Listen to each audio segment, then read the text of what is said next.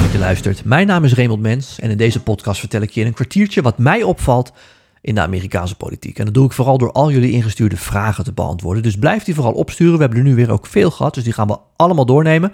Maar eerst wat je volgens mij moet weten. En dat is dat Hillary Clinton wel degelijk terug kan keren. Ja, terugkeren. Daar bedoel ik natuurlijk mee terugkeren als presidentskandidaat en mogelijk ook als president. Maar goed, dat weer, eh, weer later.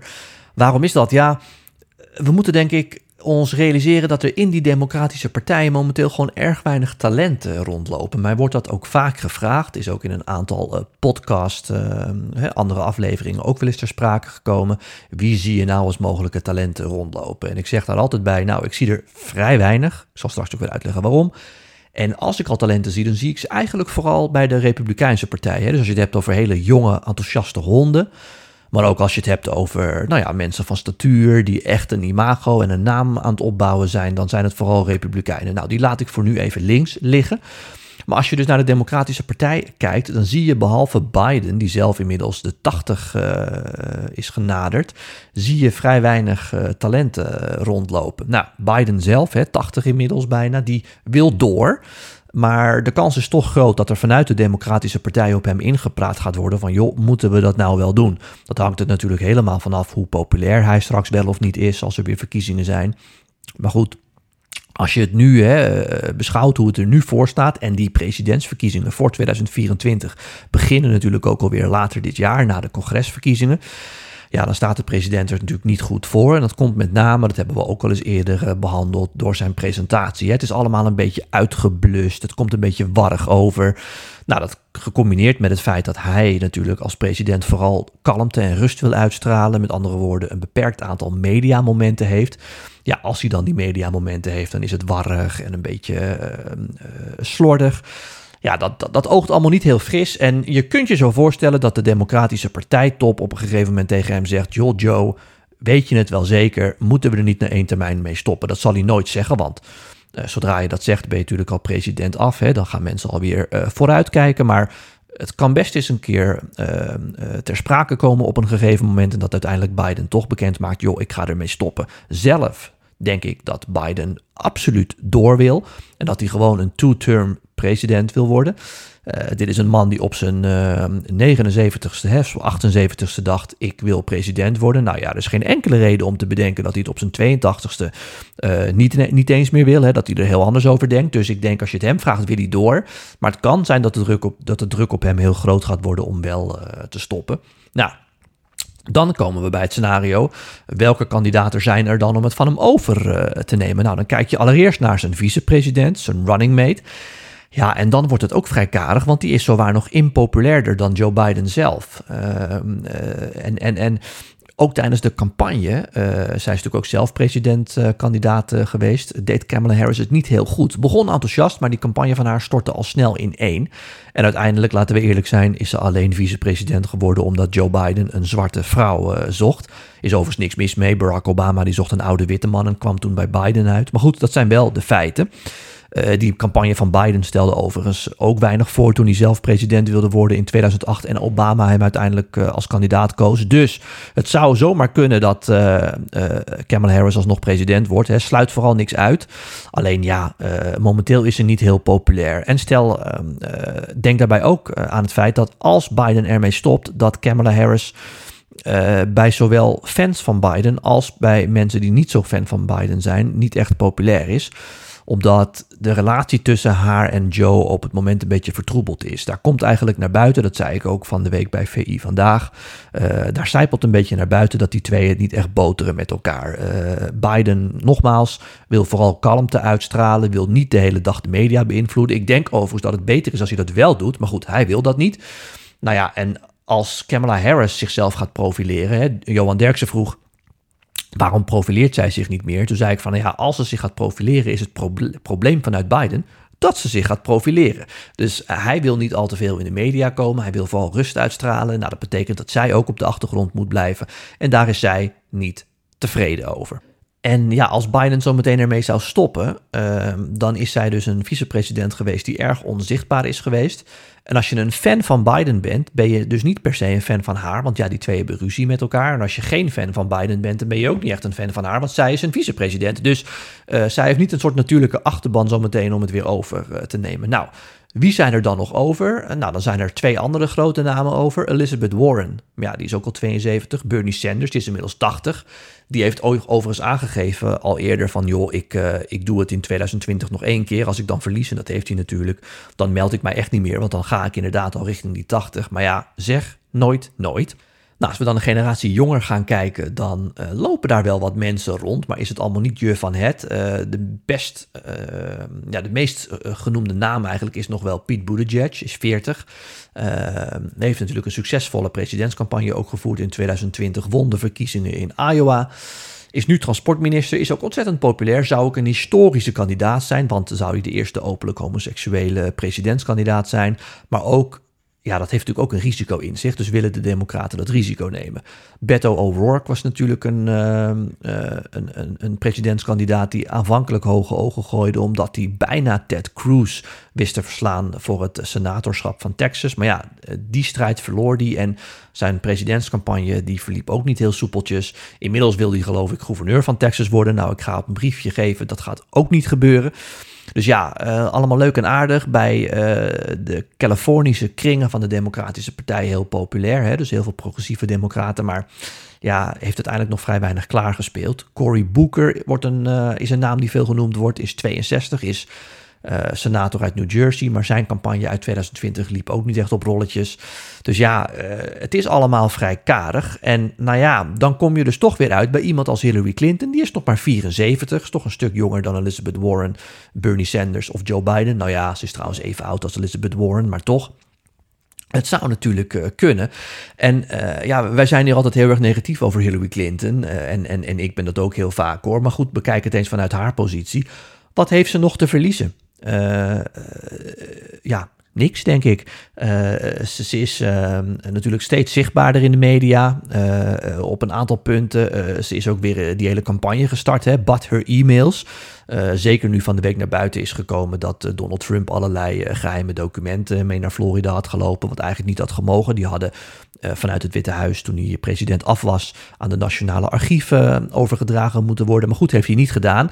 En als reactie daarop is zij een kledinglijn gestart en ook een koffiemokkenlijn met daarop een uh, soort uh, ja, graphicje van Hillary met daarop but her emails. En als je dat dan koopt, dan gaat het geld naar een uh, organisatie die Clinton heeft opgezet van de overblijfselen van haar presidentscampagne. Dus die wordt ook steeds zichtbaarder. Maar eigenlijk is ze een beetje aan het rentenieren. Af en toe in de media actief. Ze heeft nog wat boekjes geschreven. Maar ja, als ze 74 is en ze voelt zich nog goed. En ze oogt zeker uh, actiever dan de huidige president Joe Biden. Ja, waarom niet? Dus schrijf Hillary Clinton nog niet af. De Clintons zijn natuurlijk de comeback kids. Hè. Daar staat Bill Clinton om uh, bekend. Haar belangrijkste sparringpartner is natuurlijk ook haar man Bill Clinton. En ja, ik geef je opnieuw op een briefje. Als ze haar man vraagt, joh, wat moet ik doen? Dan zal hij denk ik zeggen, joh, go for it. Wat heb je te verliezen? En het antwoord op die vraag is dus niets. Je hebt niets te verliezen. Dus ja, vandaar ook, schrijf Hillary Clinton nog niet af. En ze kan wel degelijk terugkeren in die politieke arena. Goed, tot zover mijn kijk op de actualiteit. Nu naar de vragen die jullie instuurden via onder andere Twitter en Instagram. Ja, dank voor het insturen van al die vragen. Uh, de eerste is van John. Zal er ooit een onafhankelijke kandidaat het presidentschap kunnen winnen, als zijnde in ieder geval geen democraat of republikein? Ja, goede vraag. Uh, ik denk het niet. Uh, en dat komt omdat een van de trends achter Trump, die ik ook in mijn boek uh, heb beschreven, is het feit dat het twee-partijenstelsel in Amerika daar zo ingebakken zit in dat systeem, dat het heel erg moeilijk is voor een derde kandidaat om door te dringen. Je zag dat uh, door eigenlijk twee uh, belangrijke mensen. De eerste was Ross Perot. Ross Perot is de laatste onafhankelijke kandidaat die echt succes uh, boekte. Is een beetje een soort Trump, maar dan met wat nettere manieren. is heel rijk geworden door al heel vroeg in de internetbusiness te stappen. Was miljarden waard. En in de jaren negentig zei hij van, joh, uh, was een bekende uitspraak van hem als de Democraten de Republikeinen de schuld geven van alle problemen. En als de Republikeinen de Democraten de schuld geven van alle problemen, zijn ze misschien wel samen het probleem. En dus is het tijd voor een onafhankelijke kandidaat. Hij was net als Trump heel uitgesproken. Uh, net als Trump ging hij er prat op dat hij zijn eigen campagne uh, financierde. Dat zei hij ook vaak in de debatten. Joh, zij geven jullie geld uit, hè, belastinggeld en ook het geld van donoren. Ik geef mijn eigen geld uit. Hè. Ik doe dit omdat ik me zorgen maak om de toekomst van mijn en jullie kinderen en kleinkinderen. Nou, ik zei het al, dat zei hij in de debatten. Hij deed dus ook mee aan de presidentsdebatten. En dat komt omdat hij zo hoog scoorde in de peilingen dat ze eigenlijk niet om hem heen konden. Uh, en het gerucht ging dat Bill Clinton ook wel blij was dat uh, Ross Perot in 1992 ook op het podium uh, stond. Omdat Ross Perot, nou, die ging heel erg goed op zijn profiel als zakenman. En de campagne van Clinton dacht, dat gaat meer stemmen wegslurpen bij George Bush, George Bush senior, hè, die toen voor zijn herverkiezing opging, dan van mij. Dus doe vooral mee. En George Bush senior heeft achteraf ook wel gezegd: Ross Perot heeft mij die verkiezingen uh, gekost. Nou ja, in ieder geval, Ross Perot deed toen ook mee in de debatten. Heel succesvol, heeft ook 20 miljoen stemmen gehaald tijdens die verkiezingen van 1992. Heel veel. Maar goed, uh, haalde, hè, er waren ongeveer 100 miljoen Amerikanen die destijds stemden. Haalde ook ongeveer 20 miljoen of 20 procent van de stemmen. Maar ja, dat leverde hem nul kiesmannen op. dus hoe succesvol ook, nul kiesmannen betekent gewoon grandioos ten onder gaan.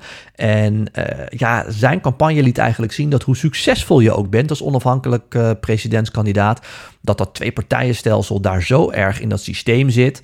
Uh, die hebben een betere organisatie, die hebben meer geld. Uh, het hele districtenstelsel, hè, dat er per staat wordt gestemd en dan al die uh, kiesmannen naar degene gaan die daar net de meeste stemmen heeft gehaald. Ja, het speelt allemaal in de hand van dat twee-partijenstelsel. Zo houden die Democraten en Republikeinen elkaar in stand. En is het voor een onafhankelijke kandidaat heel moeilijk om door te dringen. Dus nee, ik denk dus niet dat dat ooit kan. Uh, en de tweede kandidaat die dat heeft bewezen is Donald Trump, omdat die natuurlijk geen democraat was, maar ook geen republikein. En toch heeft Trump op basis ook, denk ik, van de ervaringen van Ross Perot gedacht. Ja, ja, kijk naar zijn campagne. Hij was heel succesvol, maar is geen president geworden. Dat lukt dus niet. Uh, dus kun je beter een van die twee partijen kapen. En toen heeft hij gedacht: hey, die Republikeinse partij, die is op sterven na dood. Uh, die zijn in een soort interne strijd verwikkeld over welke richting ze nou op moesten. Uh, ik neem die partij gewoon over. Nou, dat is gelukt. Saillant detail overigens nog. In 2000 heeft Trump nog geprobeerd, althans heeft hij gesprekken gevoerd om presidentskandidaat namens de Reform Party te worden. En de Reform Party, de hervormingspartij, was de partij van Ross Perot. Dus uh, dat is uiteindelijk is dat niet uh, doorgegaan. Maar ik denk dus ook dat Trump gedacht heeft van... joh, dat wordt hem niet. Ik moet een van die twee partijen kapen. Uh, Tijmen, wat klopt er nu van Watergate 2.0 van Hillary? Ja, dat verhaal. Nou, Watergate 2.0, dat zeg je goed. Uh, deze week werd bekend dat, althans dat werd in de New York Post gemeld, dat Hillary Clinton, het campagneteam van Hillary Clinton, heeft geprobeerd om de servers van de Trump-campagne te hacken. Uh, en zodoende meer informatie uh, over zijn campagne te krijgen. Nou ja, uh, wat klopt daarvan? Dat weten we nog niet. Dat moet onderzocht worden. Het verhaal in de New York Post is in ieder geval, en dat zou zomaar kunnen kloppen, dat een bedrijf dat gelieerd was weer aan de campagne van Clinton, heeft geprobeerd om te hacken, om de servers van Trump te hacken. met het doel om meer informatie te verzamelen over de Trump-campagne en de Russen. Uh, ja, we moeten kijken of dat waar is, omdat we daar veel meer nu niet van weten. Uh, dat het er met campagnes heel vuil aan toe gaat, dat, dat weten we. Dus het zou heel goed kunnen dat, met name ook in deze constructie, hè, dus dat niet haar campagne rechtstreeks, maar dat een partij die verbonden was aan haar campagne, dat die weer probeerde om bij Trump binnen te dringen. Ja, dat sluit ik zeker niet uit dat dat gebeurd zou zijn. Zou zomaar kunnen.